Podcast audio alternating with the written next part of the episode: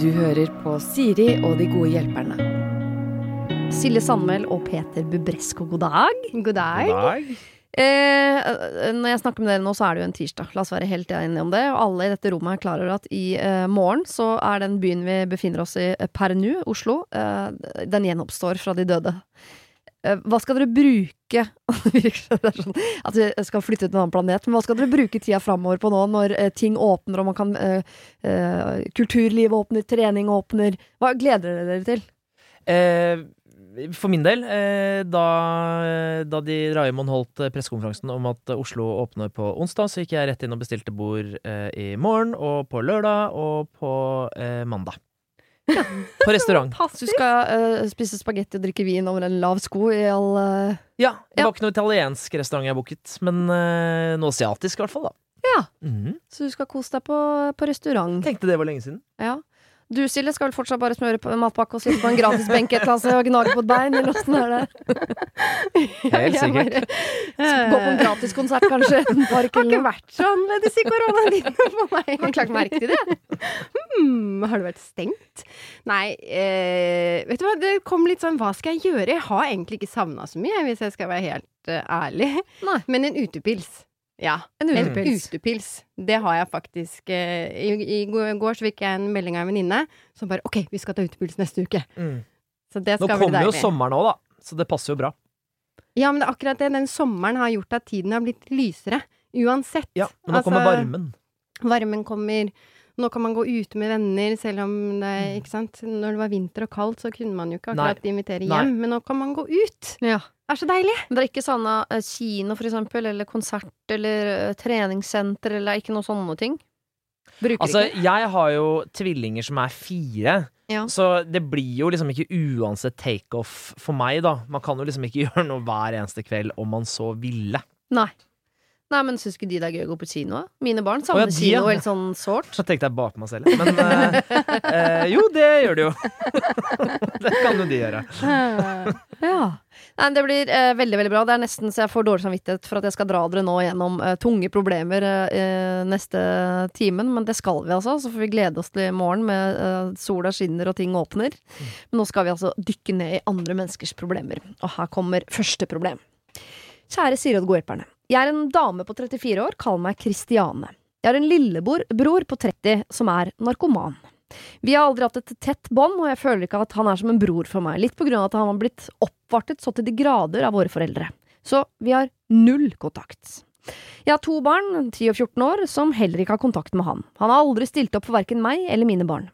Han klager overalt og er alltid veldig negativ, og dette er jo vondt for meg, men jeg har innfunnet meg at jeg orker ikke han noe mer. Så til problemet. Min mor kjøper alltid julegaver og bursdagsgaver fra han. Jeg ønsker nå ikke at mine barn, eller jeg, skal få noen flere gaver fra han i videre fremtid. Fordi eh, de vet jo snart ikke hvem han er engang. Men hvordan forteller jeg det til min mor, siden det er hun som da kjøper og gir disse gavene? Hjelp! PS, jeg elsker dere! Hilsen Kristiane. Det var jo veldig trist start, da. Ja. Ja. Vi, får ikke løst, altså vi skal ikke løse dette forholdet mellom de, vi skal ikke uh, løse hans narkotikaproblem. Det er ingen av de tingene hun ber om hjelp til. Hun vil, bare, hun vil ikke ha gaver som liksom kommer fra uh, onkel narkoman, hvis det er lov å kalle han det. Altså Først vil jeg bare si til Kristiane at jeg håper liksom hun forstår at broren hennes, lillebroren hennes, er jo ikke slem. Han er jo syk. Mm. Eh, det håper jeg liksom er viktig at hun tenker på. Eh, han vil sannsynligvis ikke noe vondt, selv om selvfølgelig hans utsvevende liv med narko har sikkert eh, skapt eh, masse tristhet i hennes liv, da. Og den forskjell, når vi først går den veien, den forskjellsbehandlingen hun også så vidt nevner her i forhold til at han har blitt vartet opp så innmari, som jeg skjønner at som søster sikkert kan ha vært litt vondt, men som foreldre når du har et barn som åpenbart sliter så mye, så er det klart at man Fokuset på hjelp går jo den veien. Mm. Jeg syns ikke det heller er så rart, selv om det sikkert er vondt for den andre. Nei, når det i tillegg er sønn og minstemann, som jeg Mm. selv er, så eh, blir det jo ofte at man kanskje får litt ekstra oppmerksomhet. Men som du sier, hvis han trenger hjelp i tillegg, ja. Mm. Det er jo helt umulig å sette seg i morens sko, tenker jeg. Altså, forskjellsbehandling eller ikke. Har du et barn som blir narkoman Altså, hun kan jo tenke seg selv, da. Hvis, eh, hvis hennes barn hvis en av de blir narkoman. Du, det er jo Du vil jo gjøre alt for barna dine. Mm. Og jeg tenker den gleden kanskje moren har, da. Fordi han har jo tydeligvis trukket seg ut av livene deres. Mm. Sånn er det jo når du blir narkoman. Da er det jo det som tar over livet ditt, dessverre. Mm. Men så for moren så er jo det litt sånn å kanskje bare gi den gaven for å beholde han inne i familien. Altså Man må jo se det litt sånn fra moren sin side. Altså Er det så gærent, da? Å ta imot en gave, tenker jeg. Har det så mye å si? Mm. Kanskje det faktisk er en gave i seg selv, ja, til mor. At hun får lov til å, å, å leve i den fantasien om at han er en onkel som, som er med, liksom, på de store begivenhetene osv. Ja, for det er jo sårt, eh, sikkert for moren, at eh, eh, sønnen ikke er der lenger. Mm. Selvfølgelig er det det. Jeg tenker at hun må være litt raus, jeg, hun Kristiane, på, på moren sine Ja, så altså, er det jo som sagt fint å liksom lære barna at uh, istedenfor å hate han så mye, da, som hun åpenbart gjør litt, i og med at Mm. hun vil bare ha han ut av livet sitt, så kan hun jo da lære barna sine at onkel hadde store problemer som han ikke klarte å takle, men det gjør jo ikke han nødvendigvis til en dårlig person, da. Det tenker jeg hun må ta med seg. Og så får jo barna flere gaver. Det kan jo være fint. Ja. Ja, Kanskje hun kan prøve å forklare barna sine også det, at Mm. uh, onkel er syk, han har en sykdom, vi klarer ikke å hjelpe han. Og, Men uh, vi, mormor her, da, Mm. syns det er veldig koselig å gi gaver fra han til dere. Men godt, jeg tenker hun kan godt være helt ærlig på at disse gavene er jo ikke egentlig fra han. Mm. Det er mormor som syns det er hyggelig at han på en måte fortsatt gir gaver til oss. Så Mm. det, da får vi bare være takknemlige for det.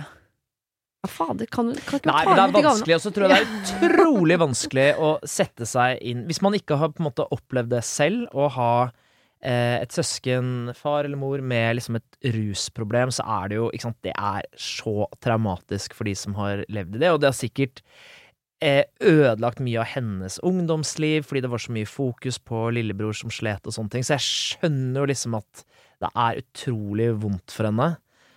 Men, eh, men jeg tror de eh, gavene kan være en sånn Hver gang hun får disse gavene, så minner det henne om broren, som hun jo da har et øh, litt sånn vanskelig forhold til. Og minner henne om den forskjellsbehandlinga fra mor, at hun fortsatt driver og hjelper han så mye at hun hjelper han å kjøpe gaver. Sånn.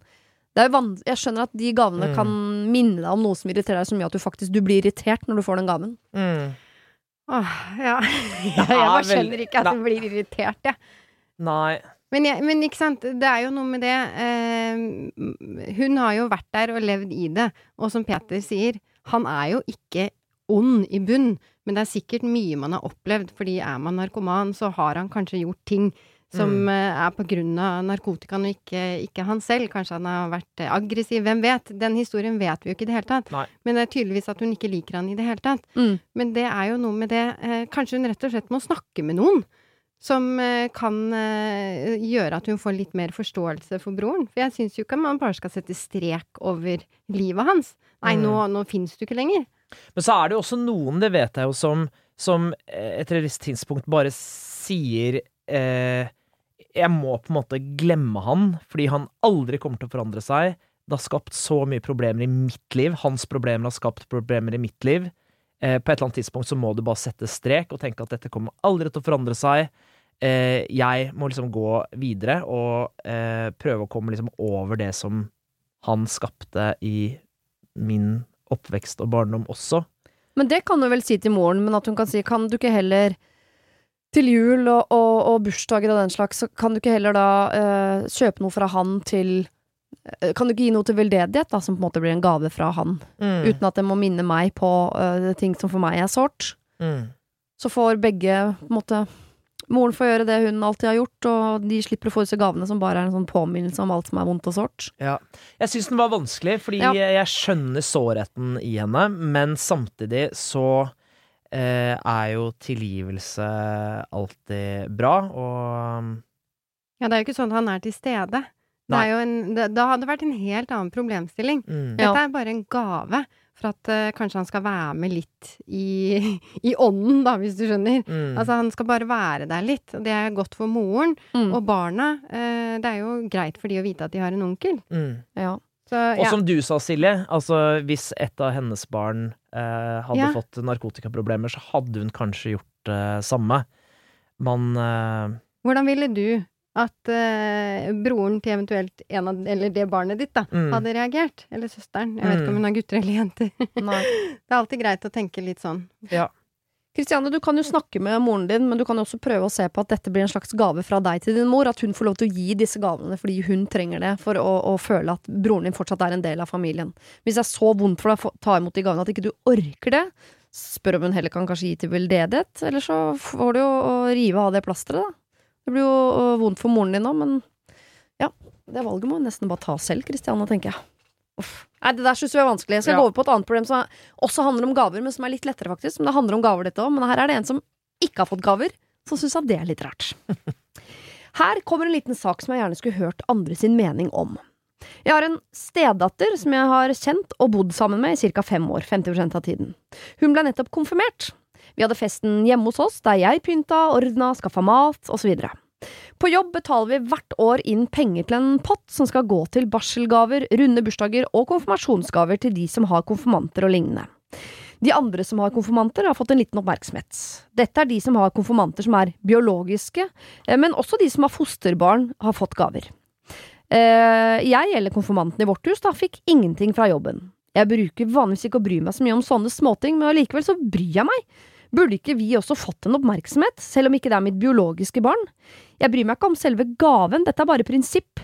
Jeg og far har også felles barn, som jo da blir søsken til denne konfirmanten. Og det er jo ikke sånn at øh, jeg nettopp kom inn i livet til denne konfirmanten. De på jobb vet at jeg har konfirmant.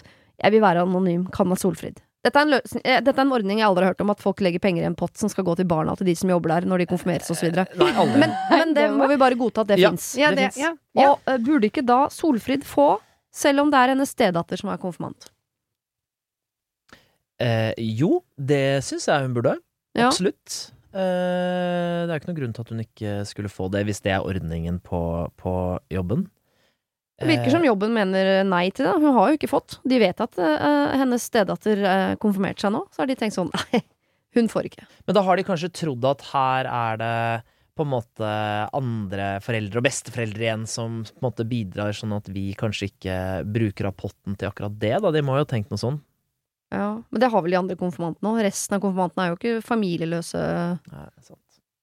Nei, men her er det to familier, da. Så det kan jo hende. Men det der syns jeg ofte når man, når man driver og tenker sånne tanker i hodet på hvorfor gjør man ikke Hva er grunnen? Mm. Så, så er jeg litt sånn Men kan du ikke bare spørre, da? Ja.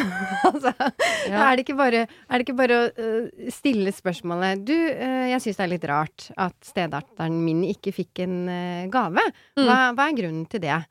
Og så får man jo en forklaring. Eh, og kanskje er det sånn at Oi, nei, guri land, det tenkte vi ikke over! Mm. Eh, eller så er det Nei, i reglementet, paragraf 2a, så står det kun biologiske barn. Altså, da, da får man jo en forklaring, i hvert fall. Ja. Det kan jo være til hjelp for andre òg. Det er jo så flere. Det er jo drøssevis nå som har mine og dine barn. Ja, familier er ikke det det en gang var, holdt jeg på å si. Det er Nei. jo eh, mange konstellasjoner. Så det høres ut som en fornuftig idé. Men så er det jo ikke så Det er jo ikke alle Det snakket jo Siri jeg om før du kom inn her. At eh, vi for eksempel er jo ganske konfliktsky. Det er ikke alltid lett å spørre om ting heller Nei, rett ut. det er sant. Eh, men vet du hva? Det som funker da, er mail. Ja. Ja. Det er ikke så farlig. Nei. Kan hun bare skrive For dette, det eh, Da slipper du å se noen i øya. Jeg er helt enig. Å skrive det er eh, løsningen så ofte hvis man er konfliktsky. Og, selve skrive det er jo ikke noe vanskelig. For sånn, Mm. jeg bare skriver det, jeg er sinna som søren og skriver dette ned. Og så kan man faktisk, selv om man er konfliktsky, så kan man manne eh, opp Bare liksom lade pekefingeren. eh, og klare å trykke på send på sånne Mm. type ting. Det er så mye lettere enn å gå inn i et rom og, og tenke sånn nå skal jeg ta den samtalen. Mm. Lade pekefingeren og trykke på send på noe du har skrevet. Det, det Ja. tror jeg selv de nesten i mest konfliktsky kan få til. Så jeg er helt enig. Send en mail og spør. Ja. Og så tenker jeg mm. også at det er, eh, det er lurt eh, å spørre, og forhåpentligvis, eh, forhåpentligvis få svar. Fordi man har vel alle opplevd å ligge en natt og vri seg og tenke på noe som eh, man irriterer seg over, fordi man tenker at det er et problem.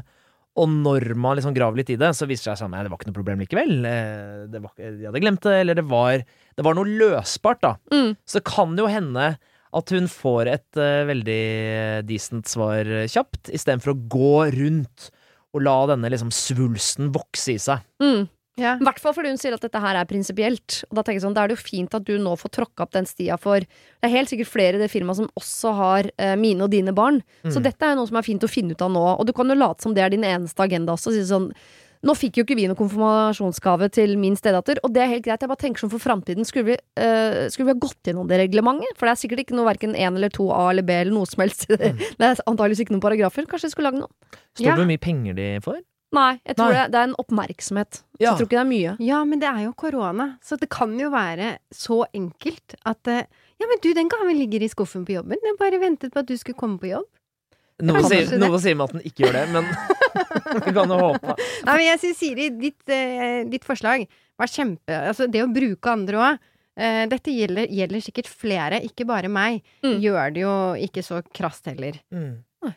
Skriv en mail i dag. Helst bare få det ut av hodet. Det å gnage på sånne ting. Nei. Åh, gå ut i søvn. Skriv Men- ned, ikke vær for sinna, les gjennom mailen noen ganger. Kanskje få noen andre til å lese over. Så lader du pekefingeren, trykker på send. Ja. Og så må du passe på at i den mailen inneholder noe sånn som at du er vel liksom, øh, oppriktig liksom, øh, opp, opptatt av fremtiden. De Mm. andre barna i Mm. bedriften osv. Ja. Ja. Og si alltid 'ha en fin dag' på slutten. Ja. Og til slutt så vil jeg bare si, eh, hvis, hvis det ikke var liksom snakk om masse penger, eh, men at det bare er det prinsippet, så er mitt tips til egentlig alle her i verden, er å prøve å gnage på litt færre ting i livet. Ikke gå og gruble på alt mulig, nei. Jeg trodde du skulle si sånn, så eh, ikke ta opp ting, for det er sånn typisk også konfliktsky å si fra. sånn, ikke gidd å ta opp ting. Mye deilig hvis folk bare ligger aleine og tenker på ting istedenfor. Mye bedre. Ok. Eh, her er det noen som lurer på om vi skal eh, utvide familien, eller bare stoppe opp der de er. Jeg trenger litt råd, jeg håper dere kan hjelpe meg. Jeg er en eh, 30 år gammel jente, men samboer på 37. Sammen har vi verdens flotteste sønn på to. For min del er det å blitt mamma eh, eh, blitt selve meningen med livet. Jeg har eh, nok blitt en av de irriterende damene som lever og ånder for barna sine. Jeg har ingen andre interesser igjen overhodet.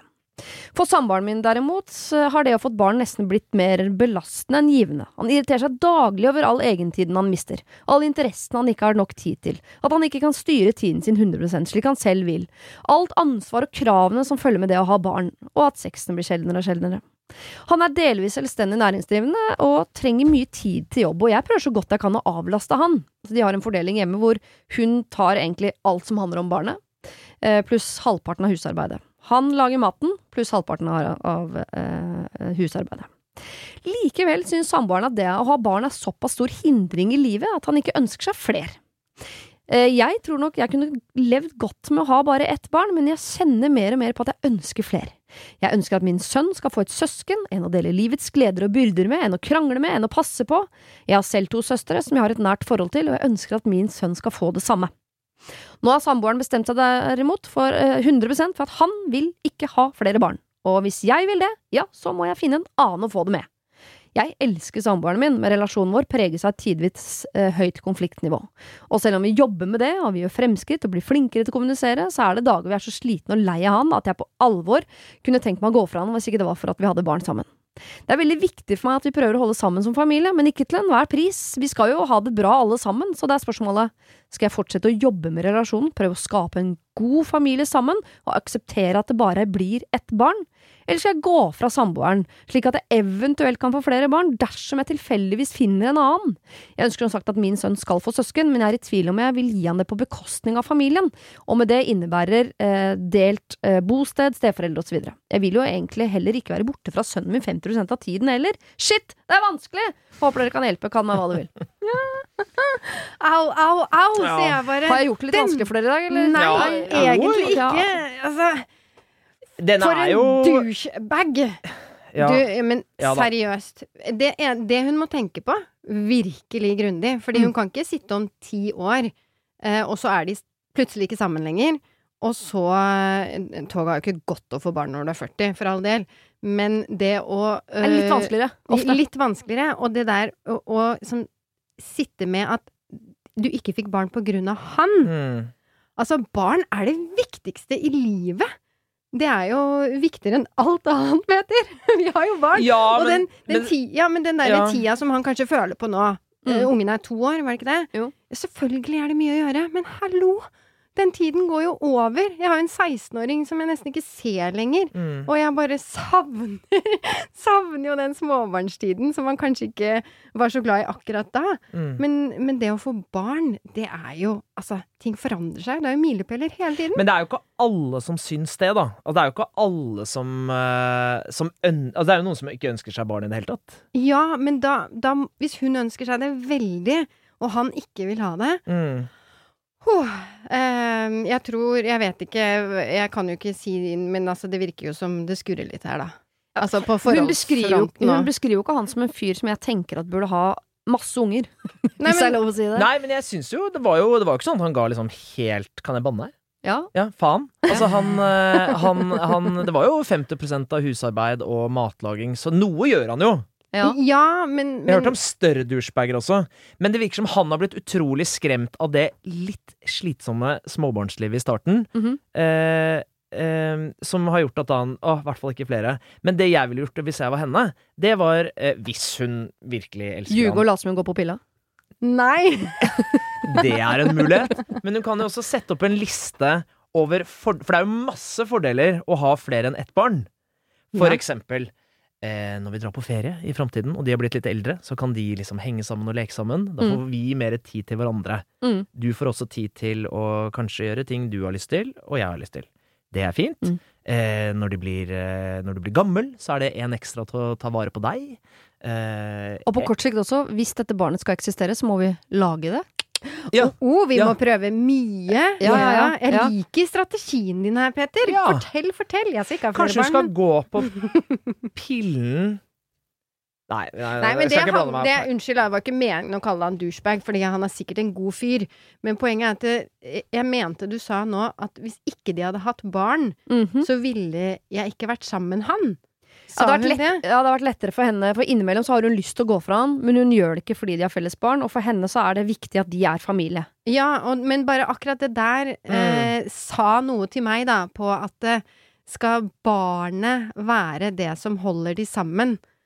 Mm. Og så, Det er derfor jeg sier at ok, okay kanskje om eh, noen år så er de plutselig ikke sammen, og så det er, det er jo Klokka går jo, da. Mm. Så, så ikke, hvis, hvis det er kun barnet som limer de sammen, da tenker jeg at hun må virkelig gå grundig gjennom er dette mannen i mitt liv, Mm. er det han jeg vil leve sammen resten av livet? Også når dette ene barnet eh, flytter ut, og det er bare oss to. Ja. Det er et viktig spørsmål. Absolutt. Og eh, all forskning viser at det er vel bedre for barn at eh, foreldrene går fra hverandre tidlig enn senere. Det da blir det det. tøffere. Det blir tøffere. Ja. Når barna er to år, så skjønner de ingenting. Eh, når barnet liksom er større, så viser i hvert fall sånn skilsmissestatistikker at det er hardere. Ja, og vi barnet. kan jo hilse og si at eh, hvis hvis det er sånn at det er barnet som holder de sammen, og kun det, Mm. så er det jo De er jo på vei til eh, skilsmisseland om 10-15 år. Ja, Hun skriver også i en bisetning her at hun elsker han, altså. Jeg bare Ja, men nevner det. det er klart at hun elsker han. Ja. Men eh, det var bare det jeg hang meg opp i, da. For at Mm. det er sånn typisk man hører sånn Ja, men vi er bare sammen på grunn av barnet. Åh. hadde vi ikke hatt barn, så hadde vi gått fra hverandre. Så, så da, da, da er det bedre å ta det steget nå enn å vente. Det er Mm. bare Det var egentlig eh, Men hvis problemet er at hun ikke får et barn til med han, Mm. men at han bortsett fra det er liksom helt fint, ja, og hun jeg- elsker han, så, så er det en annen diskusjon, da. Det, Ja. høye, det tidvis høye konfliktnivået handler nok også mye om at uh, de krangler om, om nettopp dette. Ja. Og det er fordi de uh, står på hver sin øy her, liksom, Ja. og skriker til hverandre. Så uh, hvis de hadde blitt enige om noe, så tipper jeg at de nok hadde kranglet mindre. Pluss at når man har småbarn og livet er hektisk, så krangler man jo mer enn Men jeg har, ellers. Ja, men det, jeg, jeg, hørte om det dilemmaet der før. Aldri opplevd, bare hørt om. Ja. Jeg har ikke opplevd. Jeg har tre barn, og vi var enige i det. Eh, Men poenget er at eh, hun må ta stilling til er barnet viktigere enn han. Ja. Hvem er viktigst? Mm. Fordi hvis et barn til er viktigere enn han, Mm. da må du gå. Mm. Uh, og da uh, kan jo det også være en litt sånn å shit, hun går fra meg. Mm. Betyr det så mye? Mm. Ok, da må jeg ta Og så har hun den lista, Peter. Den skal hun ta først. Ja. Fordi den, ja. er, den var det må- veldig bra. Det ja var skikkelig god idé. ja, er det ikke det? Veldig. Ja. Men det må koste dere- litt for han, det er Ja, at, at her Det betyr så mye Ja, det betyr så mye at her vurderer jeg faktisk å gå fra deg. Kan jo få han på andre tanker. Samtidig som jeg ikke tror at det Hvis hun tror at det å få et barn til vil løse alle sånne uh, forholdsproblemer, det skjer jo ikke. Det tidvis høye konfliktnivået kan jo eskalere ved å få et barn til i hus, Mm. Ja. tenker jeg.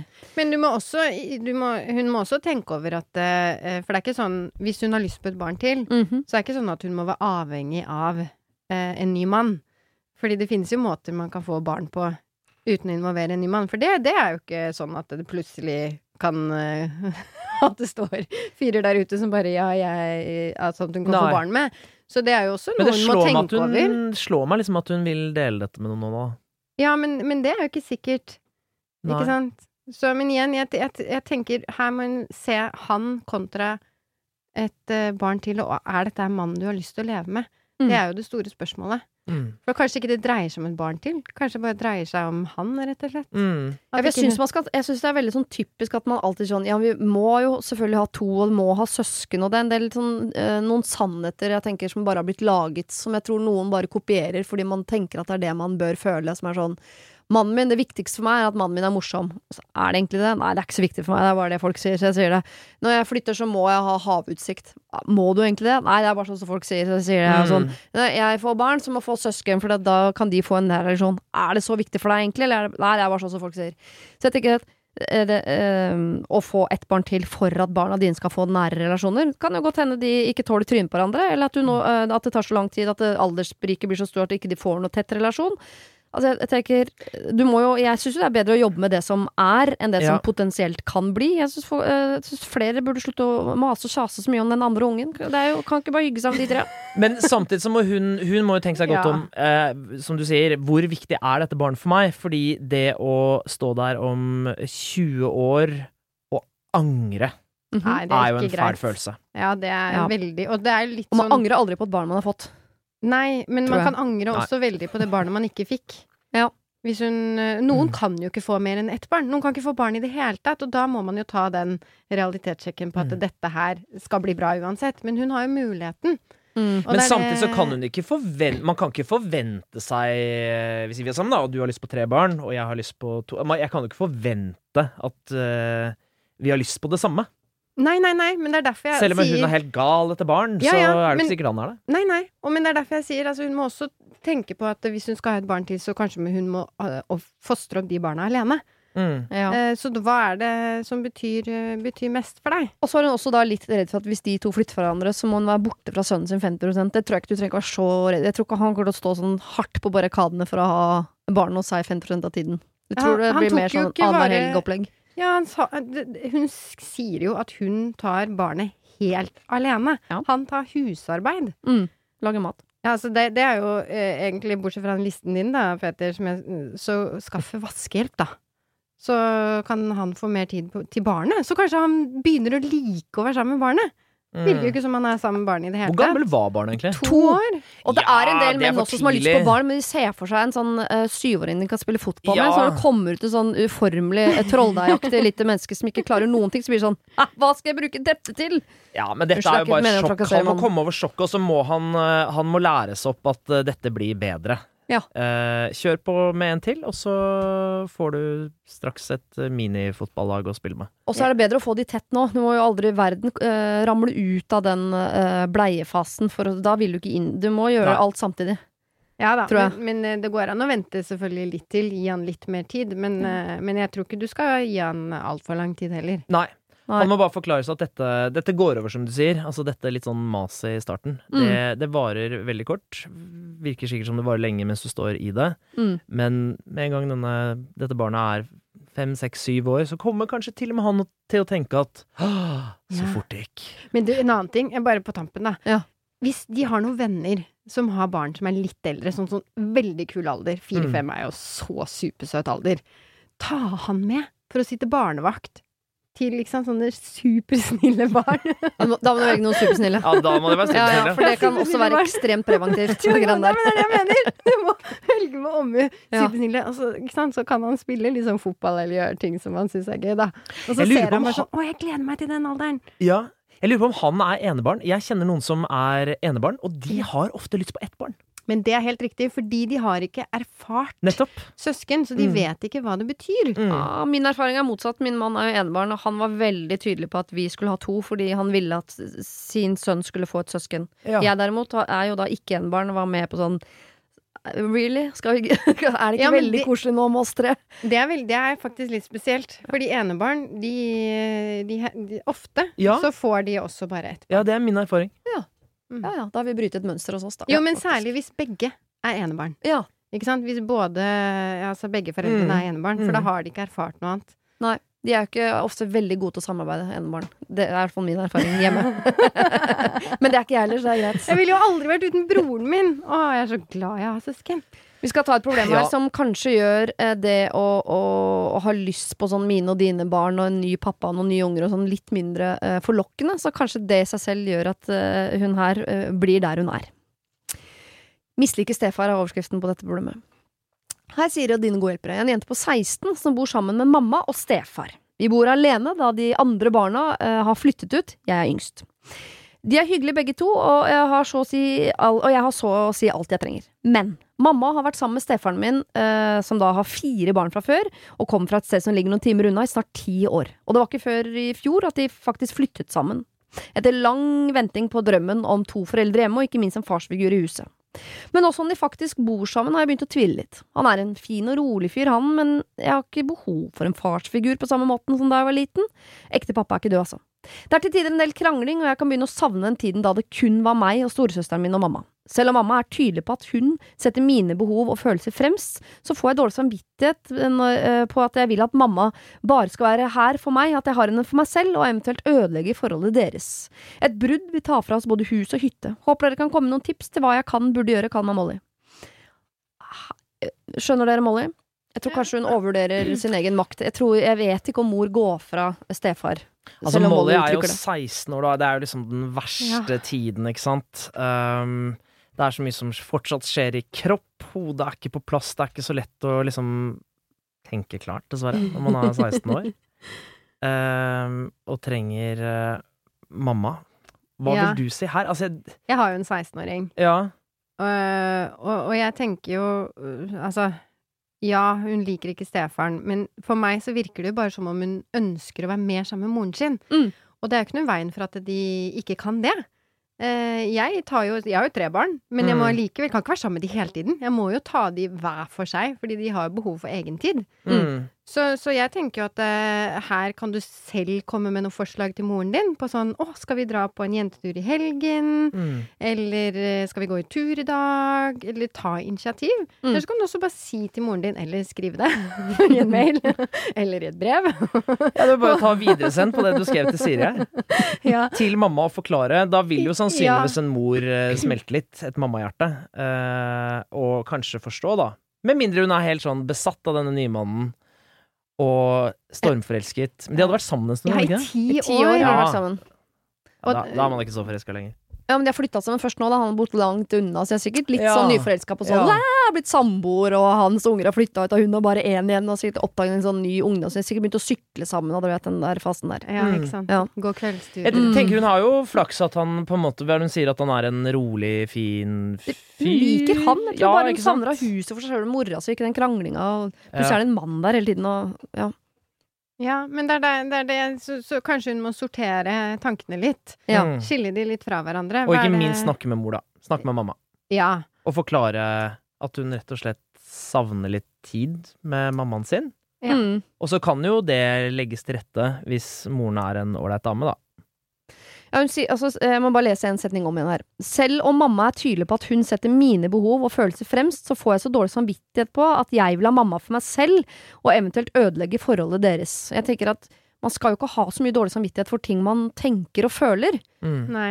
Man skal ha dårlig samvittighet hvis man gjør slemme ting, men det gjør hun ikke. Å, å snakke med moren sin om hva hun tenker og føler. Og sånn, 'Jeg savner den tida hvor vi var alene', og ble litt mye for meg at han plutselig bodde der og sånn. Så er det ikke sånn at uh, moren kommer jo ikke til å kaste ut han eller dumpe han eller Jeg tror ikke Molly trenger å være så redd for det. Jeg tror de finner en eller annen måte å løse det på hvis Molly er åpen om hva hun tenker om den nye Mm. situasjonen. Ja, fordi det, det tror jeg hun, Moren virket jo veldig fin, da. Ja.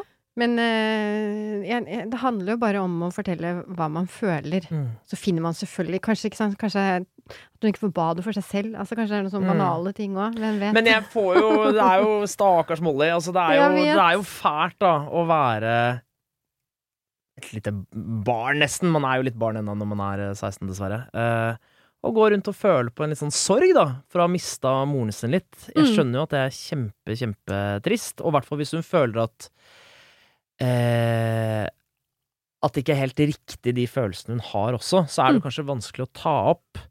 Men kanskje hun så bare skal stole på at uh, moren sin er et uh, At mammaen er et eh, fint menneske som, som tar dette bra. Og så Ja. tror jeg hun gjør de følelsene litt større og farligere enn de er. Fordi Ja. hun ser for seg, hvis hun sier dette her til moren sin, så er det brudd, og da mister de hus og hytte, og liksom hun ser for seg en Armageddon Men det er i bare hennes si 16-årige Jo, jo, hode. men er, for da er alle følelser så store at Ja. man ser for seg at verden går under med en gang man sier noe høyt. Nettopp. Så uh, snakk med mamma, da. ja. Hun kommer bare til å smelte. Hun Mm. gjør det. Og så, og så er det noe med det igjen. Hvis det, hvis det er noe du savner, som alenetid, så ta initiativ og bare spør om det. Send han på fisketur og sånn, fyren. da. Mm. Ja, Så jeg bruker bare sånn gamle kjønnsrollemønstre hele tiden. Jeg hører det selv. Kan du ikke heller si sånn Send ham på et ballettkurs eller noe, da? Ja, send han ut for å leke med følelsene sine. Herregud. Ja. Nei, men Molly, ikke vær, ikke vær så redd for dette. Snakk med mammaen din, og så er jeg helt sikker på at uh, hun smelter, og dere finner en eller annen løsning sammen på hvordan du kan få igjen noen av den egentiden du savner, eller noe av den tiden sammen med moren din som du savner. Det beste hadde jo vært om han forrige vi snakket om, var stefaren til Molly. For han ville jo helst ikke være i det huset uansett. Ikke sant? Han hadde vært ute i, i garasjen og rydda eller lagd noe mat eller Ja. holdt på. Ikke sant? Perfekt løsning for alle. Jeg setter dere i kontakt, jeg. Har du et problem og trenger hjelp, ja, så sender du det til meg. Da bruker du Siri, alfakrøll, radionorge.no. Vi har et problem på søndager. Eh, vi er en familie bestående av mor, far, jente seks år, gutt fire samt gutt 13 som bor her 50 av tiden. Vi sliter på søndager med veldig mye krangling og dårlig stemning. De to minste krangler eh, og maser høl i hodet på hverandre. Det er mye roping, surmuling, kjefting og mas. Ellers i uka klarer vi oss stort sett fint. Vi voksne har begge fri i helgene, med unntak av en del frivillige ting vi er med på, som natteravn, ekstra deltidsjobb på far, eh, og mor som studerer ved siden av jobben, og oppussing. Men eh, det må også gjøres eh, i helgene for å holde seg a jour. Prøver å gjøre ting med barna først, eksempel skogstur, lekeplass, besøk osv., for hvis vi bare er hjemme og oppå hverandre, så blir det helt krise. Men det virker som om uansett om vi har planer osv., så, videre, så blir det dårlig stemning på søndager. Eh, og nå bare yeah, fridag på mandager to ganger på rappen, det er jo så bra! Har dere noen tips til hvordan man kan skape en mer harmonisk og rolig eh, eh, hjemmesituasjon på søndager? Thank you! På vegne av Familie 5. Jeg ble sliten bare av å lese mail. Altså, dette er en familie som fungerer godt helt til søndagen kommer. Da Men dette er jo slitne foreldre. Altså, hva har de holdt på med? Eh, natteravn og oppussing og ekstrajobb. Ja, studering, masse. Ja. Altså, mitt forslag ville vært eh, Jeg har to forslag. Det ene er at man, selv om man er en familie, så trenger man ikke å gjøre alt sammen sammen alltid. Nei. Man kan splitte opp, og så kan for eksempel far ta med seg én som har lyst til det, mor Mm. kan ta med seg en annen som har lyst til det. Eh, da unngår jo de, de søskenkonfliktene, for eksempel. Det Mm. kan være en idé.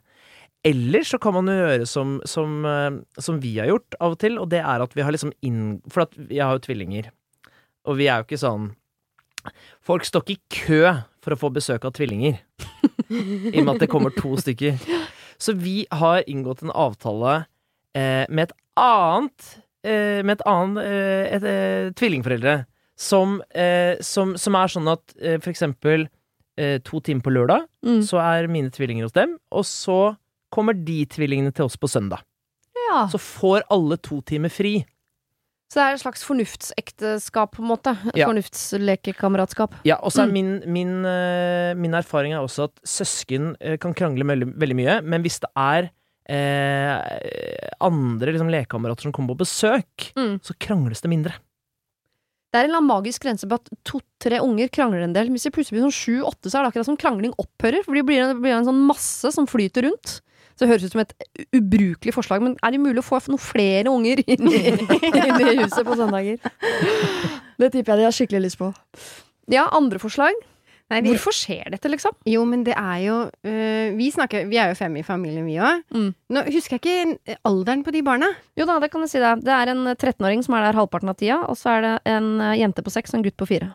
Ja, så det er veldig Ja. stort spenn, vet du. Mm. Fireåringen vil Mm. gjerne rive ned ting. Seksåringen vil bygge opp ting. Trettenåringen er jo bare tenåring. Mm. Så det er jo tre helt vidt forskjellige behov. Mm. Så her Sorry, men det er nesten umulig. Nei da, det er ikke umulig. Men jeg syns Peters sitt forslag var veldig bra. Her må de bare deles. Ja. Eh, og så tenker jeg det samlingspunktet som man gjerne begynner med på en søndag, som er frokost. Mm. Der snakker vi veldig ofte om at humør smitter. Så, så det er nesten sånn ok, er, står du på feil bein og er sur, så må du nesten bli på rommet ditt, sette på noe musikk, helt til du kommer ut og ikke skaper dårlig stemning. Ja. For hvis én starter, når man er fem stykker, med dårlig stemning, så går det sånn vroom, så plutselig er hele gjengen eh, dårlig humør. Mm. Hvis da man ikke klarer å kjempe imot, da. Og, og jeg er sånn som eh, hvis det, hvis det går for ille, så setter jeg på musikk. Den regelen kunne ikke vi hatt, for da hadde vi aldri sett hverandre. Alle hadde sittet inne på hvert sitt rom og sendt tekstmeldinger til men det er viktig å snakke om det. Fordi at uh, man tenker ikke så mye over, kanskje, når man er liten, at uh, humør smitter. Nei. Så, så det er viktig å påpeke det. Og selvfølgelig kan man ha en dårlig dag, det er ikke det jeg sier. Man skal ikke bare ikke smøre på seg et glis. Nei. Men man skal også vite at det, det påvirker, da. Ja. Men det virket jo først altså Først så tenkte jeg å ja, dette, de er inne på søndager, det blir brakkesjuke. Det er ikke så rart. Nei, men de var det. jo veldig flinke Ja. til å dra på skogstur og sånne ting. Men Mm. problemet virker jo kanskje ikke sant, Sånn som du sier, det er vanskelig å finne sånn felles aktivitet som, som tilfredsstiller både en 13-åring og en 4-åring. Mm. Det er kjempevanskelig. Ja, eller så må man jo da gjøre noe som aktiviserer alle, da. At man drar uh, Fordi fireåringen sykler jo ikke like fort som 13-åringen. Altså, så er det Ikke sant. Så da må man kanskje gjøre noe som er gøy for absolutt alle. La 13-åringen få slippe å være med på sånn skogstur med 4- og 6-åringen. La 13-åringen få slippe, tenker jeg. Ja, men det som er Faktisk. Mm. Ja, det som uh, Bare tips, da. Nå kommer jeg med sånne tips. Gratis tips. Er det, er det, er det økonomitips? Nei, men vi, når, når barna var mindre, da, vi gjør det ikke så mye nå, men eh, stolpejakten, har dere hørt om det? Ja. Det var sånn veldig gøy for uh, hun minste for oss, og veldig gøy for den eldste. Nei, nei, nei, du laster ned. Oh, ja. Og så er det stolper man finner, gjerne i nærområdet, og så skal man QR-kode, og så er det liksom, blir det konkurranse, da. Det er Norges svar på Pokémon-jakt, Ja, liksom. De fant opp artige figurer, vi fant opp stolper. Ja, vi mm, opp selvfølgelig. Og de er på fjelltopper, og de er liksom eh, i, i nærområdet, da. Så det er faktisk eh, Det syns barna alle alle aldre syns det er veldig gøy. Ja, men jeg tror man skal komme ut av den illusjonen om at sant, alle vil være sånn Vi er en stor, lykkelig familie. Eh, det er jo det man vil. Ja. Eh, og vi henger sammen i tykt og tynt, men det er liksom ikke real realiteten ofte, da. Det er ikke noe skam Det er i hvert fall ikke noe skam å splitte seg. Nei, overhodet ikke. Og så er jeg veldig eh, for å at man eh, kan uh, ha med venner. ja. Eller dra til venner. ja, den bytter på sånn kan, uh, kan vi låne barna deres litt, og så låner dere barna Ja. litt etterpå? Og splitte seg. Alt dette er gode løsninger. Og så tror jeg altså jeg vil bare legge til et sånn privattips på slutten, for jeg, jeg, jeg vet ikke, men jeg bare aner meg at mor her kan være noe lik meg, som har en sånn forventning om at det skal være så fantastisk på søndager, og hele familien. Og så med en gang det er litt krangling, så blir man så skuffet at man hiver seg inn i den dårlige stemningen og gjør den verre. I hvert fall er jeg sånn. Eh, og da kan jeg for eksempel sånn Men da har vi vært på skogstur og lekeplass, og er ikke det, eh, har jeg ikke da gjort en god nok innsats til at folk skal være i godt humør og ikke krangle resten av dagen? Og så kommer vi tilbake fra skogtur, så er det i gangen litt sånn! Ja. Og så går jeg, da faller jo hele bildet, og så blir jeg så skuffet.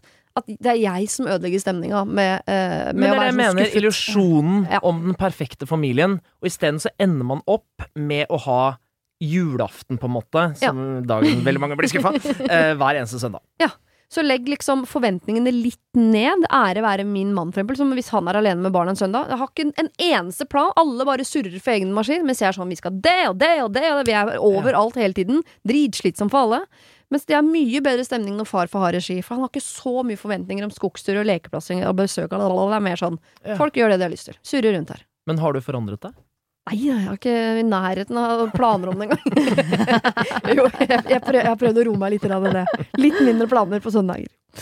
Ok, nå skal vi over til et eh, problem hvor Her er det et faktasvar, men jeg syns også vi kan snakke litt om liksom, hvorfor behovet er her. Dere skjønner hva jeg mener snart. Her er min problemstilling. Jeg håper dere kan hjelpe meg. Jeg har hatt en venninne i 14 år som nå går meg på nervene. Eller altså, jeg ligger våken om nettene fordi jeg er så sint og lei meg. Så, altså, hun går meg så på nervene eh, at jeg får ikke sagt det. Jeg har vært både forlover for henne og fadder for hennes førstefødte, og har hele veien fått høre at jeg har gjort en dårlig jobb. Utdrikningslaget og babyshower var hun ikke fornøyd med. Dråpen kom da jeg var en dårlig venn da jeg valgte å være edru under eh, en av hennes bursdagsfester. Nå tenker jeg at dette vennskapet kun har gått én vei, og at jeg har brukt utrolig mye tid og penger på en dame som aldri vil gjøre det samme for meg. Har selv vurdert å sette henne som både fadder og forlover, selv om stemninga er dårlig, bare for å føle at jeg kan få litt tilbake. Nå har vi ikke snakket sammen på to år, og jeg lurer på én. Kan jeg trekke meg som fadder? To. Trengs det en samtale for å trekke seg, eller er det på en måte gjort siden vi ikke har snakket sammen på to år? Kall meg for Powerpuff og henne for Mojo Jojo. Akkurat det siste her syns jeg er vanskelig, så jeg lurer på om vi går over til Karsten og Petra. eh, Covid-glemmer til dere. Altså, jeg kan bare svare på første spørsmålet. Kan jeg trekke meg som fader? Nei. Eh, Og det er ikke en personlig synsing fra meg, vi har sjekket det med, eh, med kirken. Det går ikke. Nei, men hva er eh, Altså, fadder, holdt jeg på å si. Who cares? Nei, ja, men noen følger man jo opp, men an, mens andre følger man jo ikke like mye opp. Så det tenker jeg ikke er en stopper for vennskapet, da. Eh, men altså, dette hørtes jo ikke ut som et sunt vennskap. Man krever jo ting av hverandre. Jeg syns jo de to årene snakker litt for seg selv, da. Hvis de ikke har snakket sammen på to år, så er det kanskje ikke liv laga for det vennskapet. Uh, der er jeg litt sånn eh, hard og brutal. Ja. Ut! Ja eller det ville du aldri sagt, fordi du er konfliktsky. Du kjører mer fade bare- ut. Ja, ja, ja, ja, det fada. Ja, det fada. Ja. Ja. Men jeg, men jeg tenker jo, uh, med vennskap så skal man jo uh, f altså, få energi. Man skal jo gi hverandre Mm. glede. Her er det litt sånn sånn Nei, du har gjort en dårlig jobb. Uh, altså hvis det er konstruktiv kritikk, og så kanskje man kan Jeg vet ikke. Men det der hørtes jo bare usunt ut. Og man skal jo ikke være sammen med folk bare for å være sammen med folk. Man har jo et valg. Nei, jeg tenker alt som er liksom giftig i livet sitt, uh, burde man bare kvitte seg med. For Ja. det fører liksom aldri noe godt uh, med seg, uansett. Jeg håper hun har andre venner som hun kan ha det koselig med. Mm. Eh, hvis ikke, så må hun skaffe seg nye. Jeg tipper hun Hun virker jo som en god venn, hun, da, som stiller opp og gjør sitt aller beste for å Ja, men jeg syns bare én ting jeg hang meg litt opp i. Mhm. Det var Powerpuff sånn og Mojo Jojo, var det det? Nei, men det var liksom Kanskje jeg skulle valgt henne som fadder bare for å få noe tilbake. Jeg syns jo ikke det er en så veldig god innstilling til livet, at man skal kreve å Hevn, få noe tilbake. Ja, men det ble litt sånn eh, Ja, nei, nå har jeg uh, ordna med det og ordna med det, så jeg krever det tilbake. Ja, du vet, Når man er uh, sint, så blir man litt smålig. Altså, I perioder av livet vurderte å gifte meg bare for å få sagt fra til de vennene jeg vil at skal være klar over at de ikke kommer til å bli invitert. Sånn, kan vi gifte oss nå, for det er så mange jeg ikke vil Er invitere i sånn, bryllupet. Og jeg vil at de skal vite det. Er du Jeg har aldri gjort det det bare inni hodet mitt. Jeg gjør det ikke i praksis. Men når man er sint, så koser man seg med sånne, Ja. eh, sånne tanker som for eksempel Kanskje jeg bare skal. Å ja, ok. Ja, nei, ja, jeg, jeg er vel kanskje ikke sånn hevn... Sa hun hvor lenge de hadde vært venninner? Eh, 14 år. 14 år, ja. Mm. Mm. Ikke siste to, da. Så 12. Ja.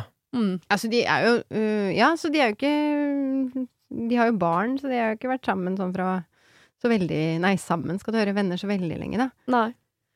Nei, men øh, hva, hva, hva er det hun Det lurer lurer, på? lurer på om hun kan trekke seg som fadder. Det, Nei, sa det bare. Det, hun nei, det er ikke lov, fordi fadder, kirken ser på det. Og hvis du er fadder, så er du på en måte et vitne til noe som har skjedd. Ja. Det kan du ikke trekke bort. Kan ikke si sånn nå, 'Jeg har ikke sett det lenger. Jeg har holdt øynene igjen'. Men Ja. du, du er for evig og alltid fadder, men du trenger jo ikke å Oppgavene dine som fadder var på en måte å, å sørge for at de uh, har lest Bibelen osv. Den oppgaven har du ikke gjort.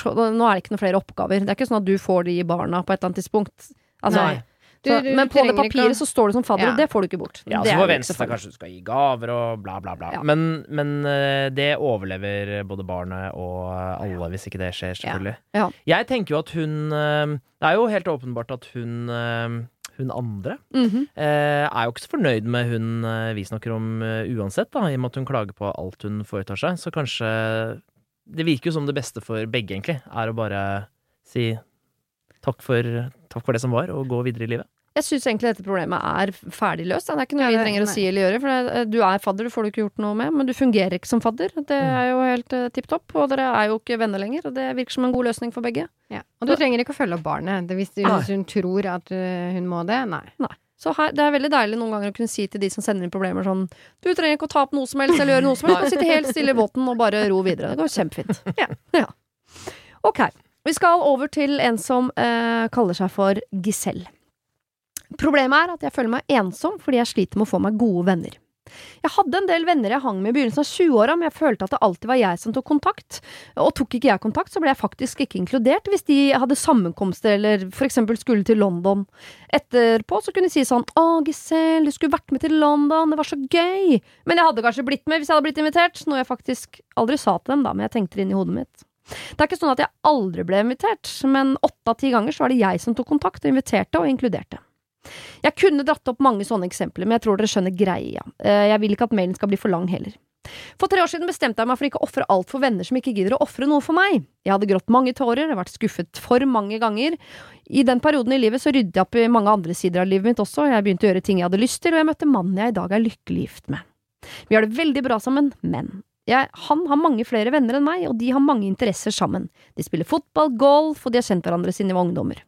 Jeg blir inkludert på noe av det, men jeg spiller jo ikke golf eller fotball, og jeg skjønner at jeg ikke kommer til å bli inkludert på gutteturer.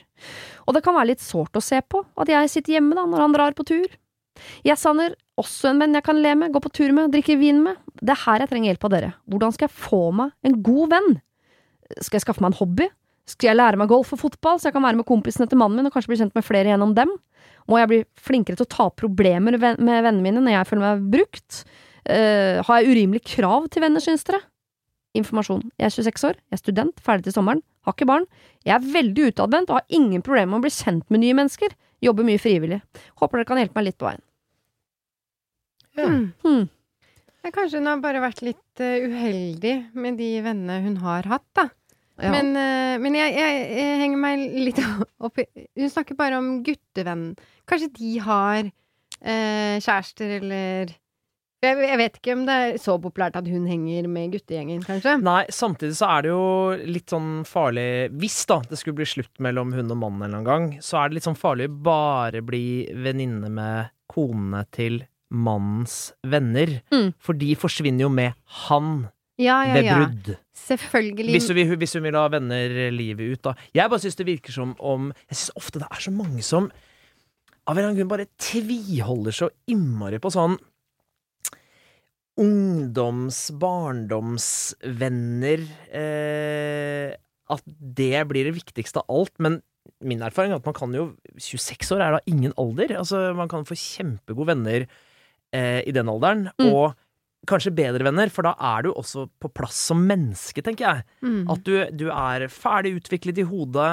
Eh, du vet eh, hvem du er i mye større grad. Du vet liksom hva du vil. Så det hun selv nevner med å skaffe seg en hobby, for eksempel, er jo et veldig godt tips. Mm. For da vil hun jo, hvis hun starter med noe som hun interesserer seg for, syns er gøy, så vil jo hun automatisk møte likesinnede, da. Mm. Som kanskje kan bli bedre venner. Og det er eh, Men Og hun har jo en jobb. Vil jeg tro. Så der òg. Man kan jo få gode venner i kolleger, Ja. for eksempel. Mm. Men jeg er også helt enig med interesser. Fordi der eh, kan man jo møte veldig mange. Mm. Selv eh, Jeg begynte å klatre for noen år siden.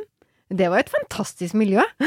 altså sånn overraskende godt miljø. Ja. Klatremiljø. Ja. Det var Hva gjør du da? Gikk du inn på klatresenter, Ja, knytta var- nevene ned i Ja, noe mel er, og så gikk bort og snakka med folk, liksom? Ja, og så alle vil liksom hjelpe til, og så prater man, og så sitter man Man kan ikke klatre hele tiden, vet du. For det, det klarer man jo ikke. Altfor slitsomt. Så man må alltid ta pauser.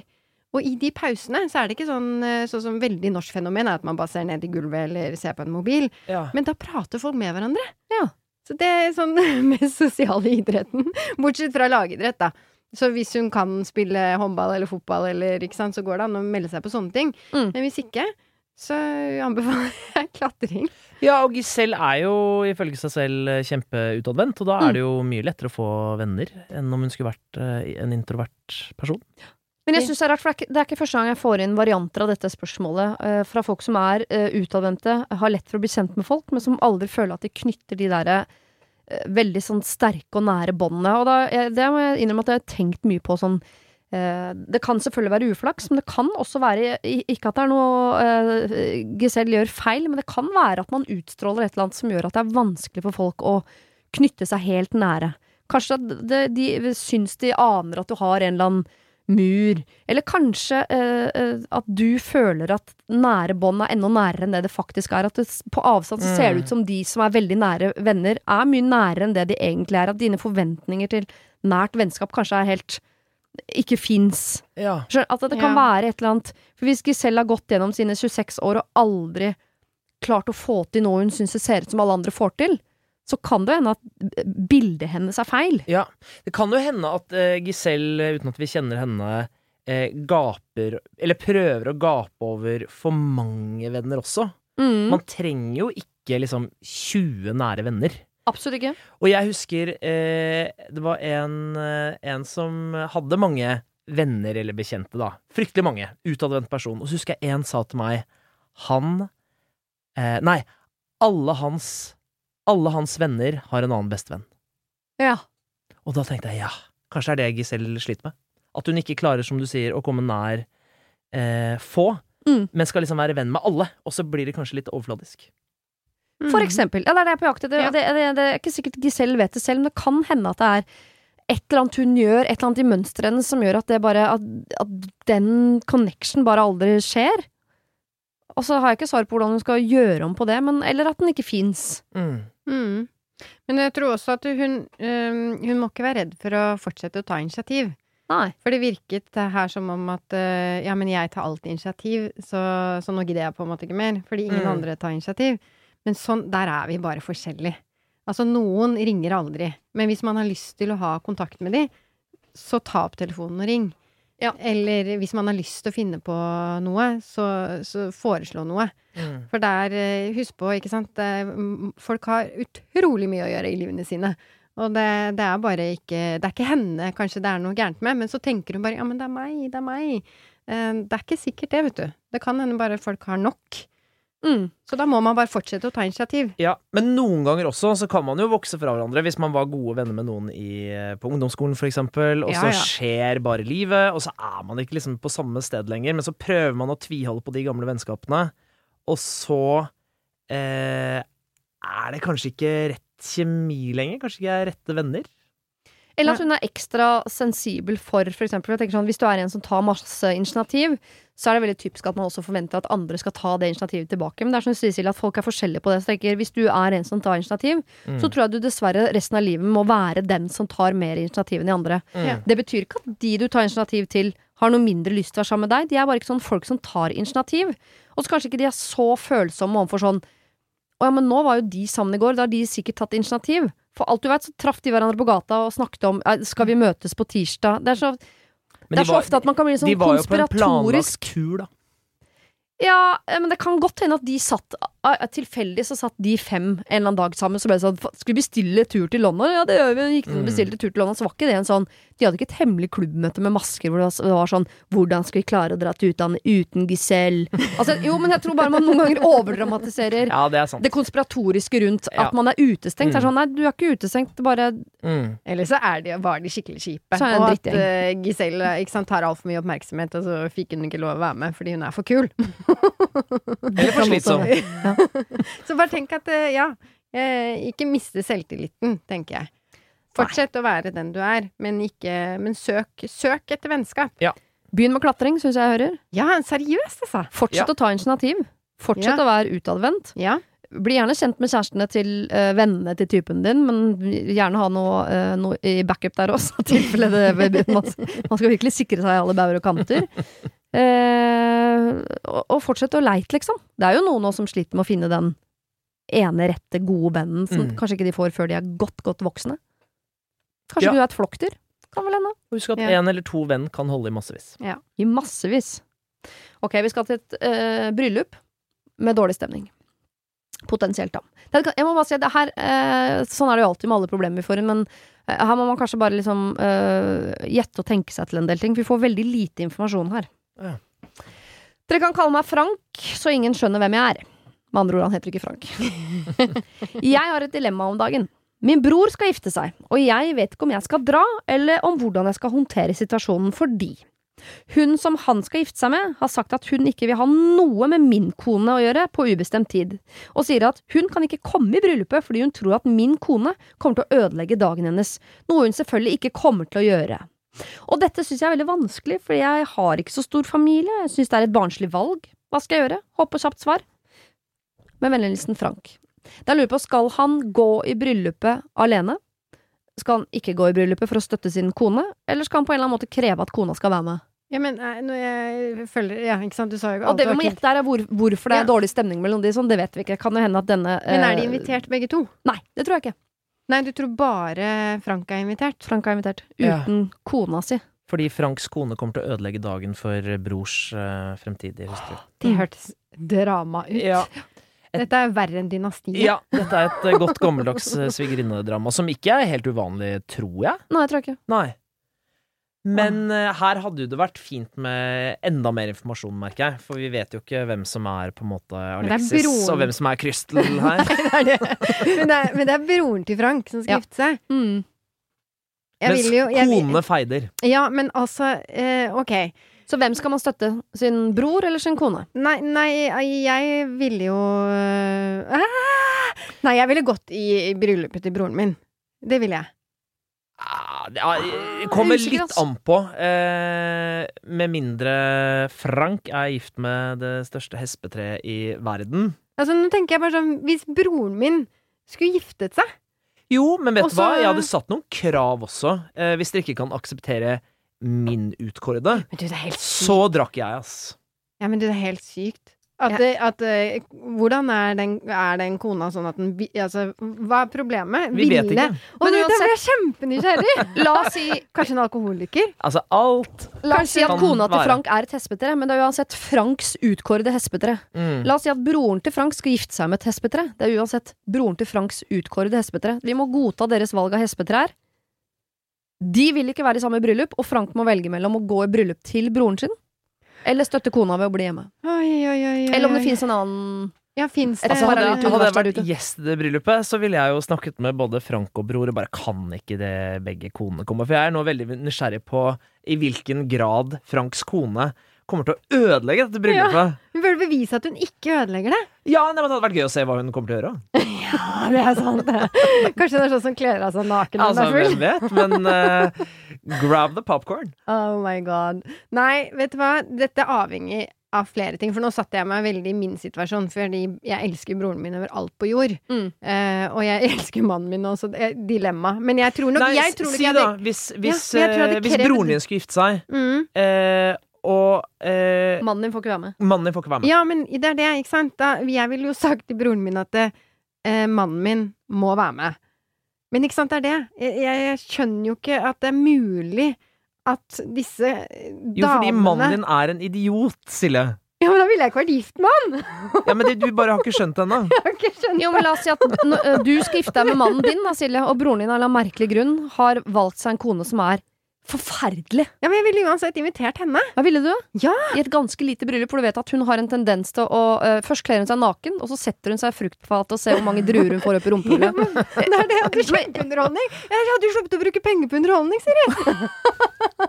det er jo fantastisk! Nei, altså, det er, det er igjen Det er umulig å sette seg i disse skoene, fordi Ja.